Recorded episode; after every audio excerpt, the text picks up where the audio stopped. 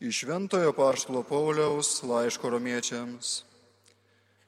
Broliai, mums dar tebesant silpniems, Kristus savo metu numirė už bedievius. Vargu, ar kas kitas sutiktų mirti už teisų jį. Nebent kas ryštųsi numirti už gerą darį. O Dievas mums parodė savo meilę tuo, kad Kristus numirė už mus, kai mes tebe buvome nusidėliai. Tad dar tikriau dabar, kai esame nuteisinti jo krauju, mes būsime išgelbėti nuo rūšios bausmės. Jeigu kai dar buvome priešai, mūsų taikino su Dievu jo sūnaus mirtis, tai juo labiau mūsų išgelbės jo gyvybė. Kai esame jau sutaikinti, negana to, mes dar galime didžiuotis Dievu per mūsų viešpatį Jėzų Kristų, kuris mūsų taikino. Tai Dievo žodis. Dėkojame Dievui. Aleliuja.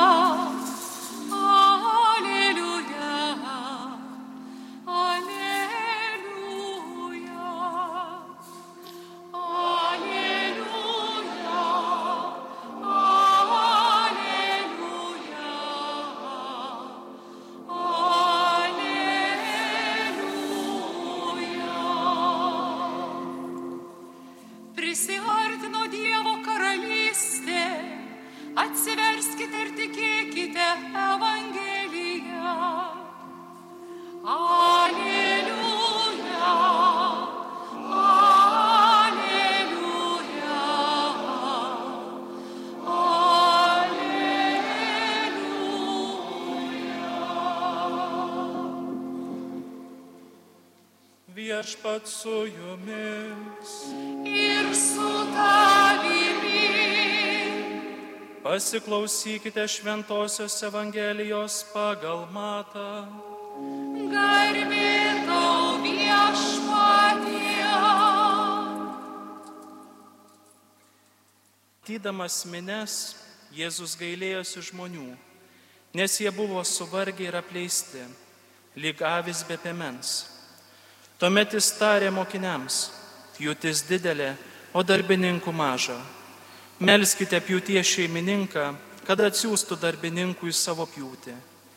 Pasišaukęs dvylika mokinių, Jėzus suteikė jiems valdžią, netyrosioms dvasioms, kad išvarinėtų jas ir gydytų įvairias lygas bei negalės.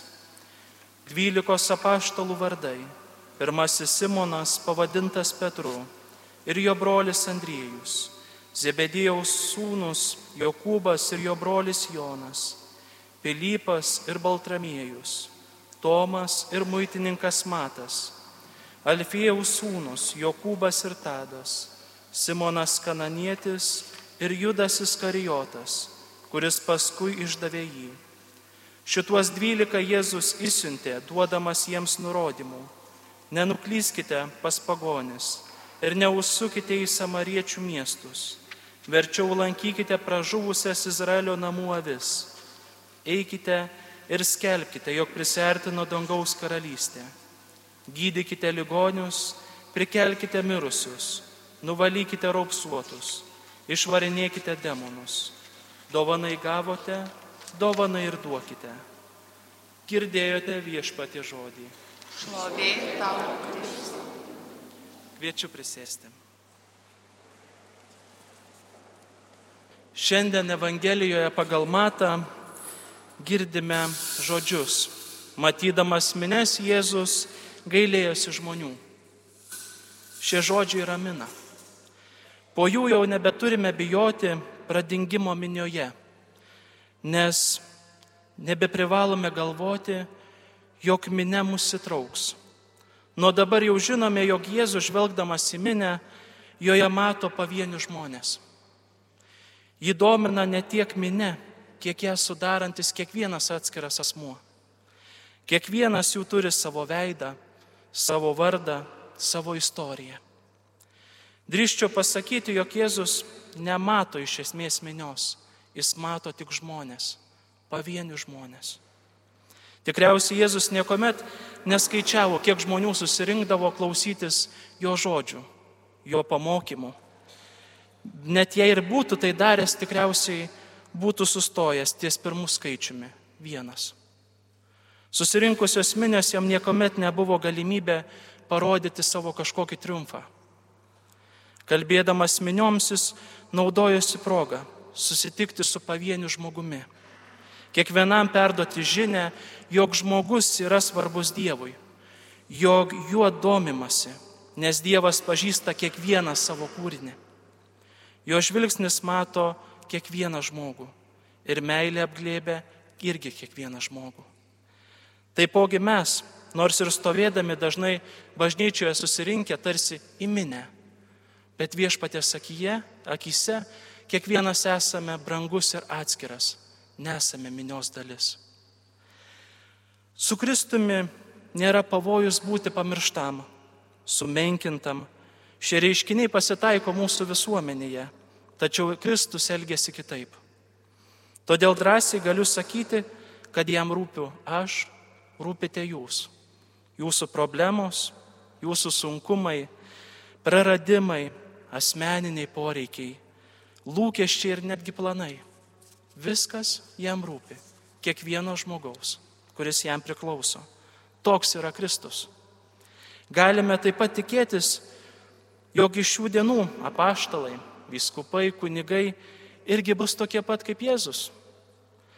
Rūpinsis ne miniomis, bet rūpinsis kiekvienu žmogumi, kuris ateina į bažnyčią.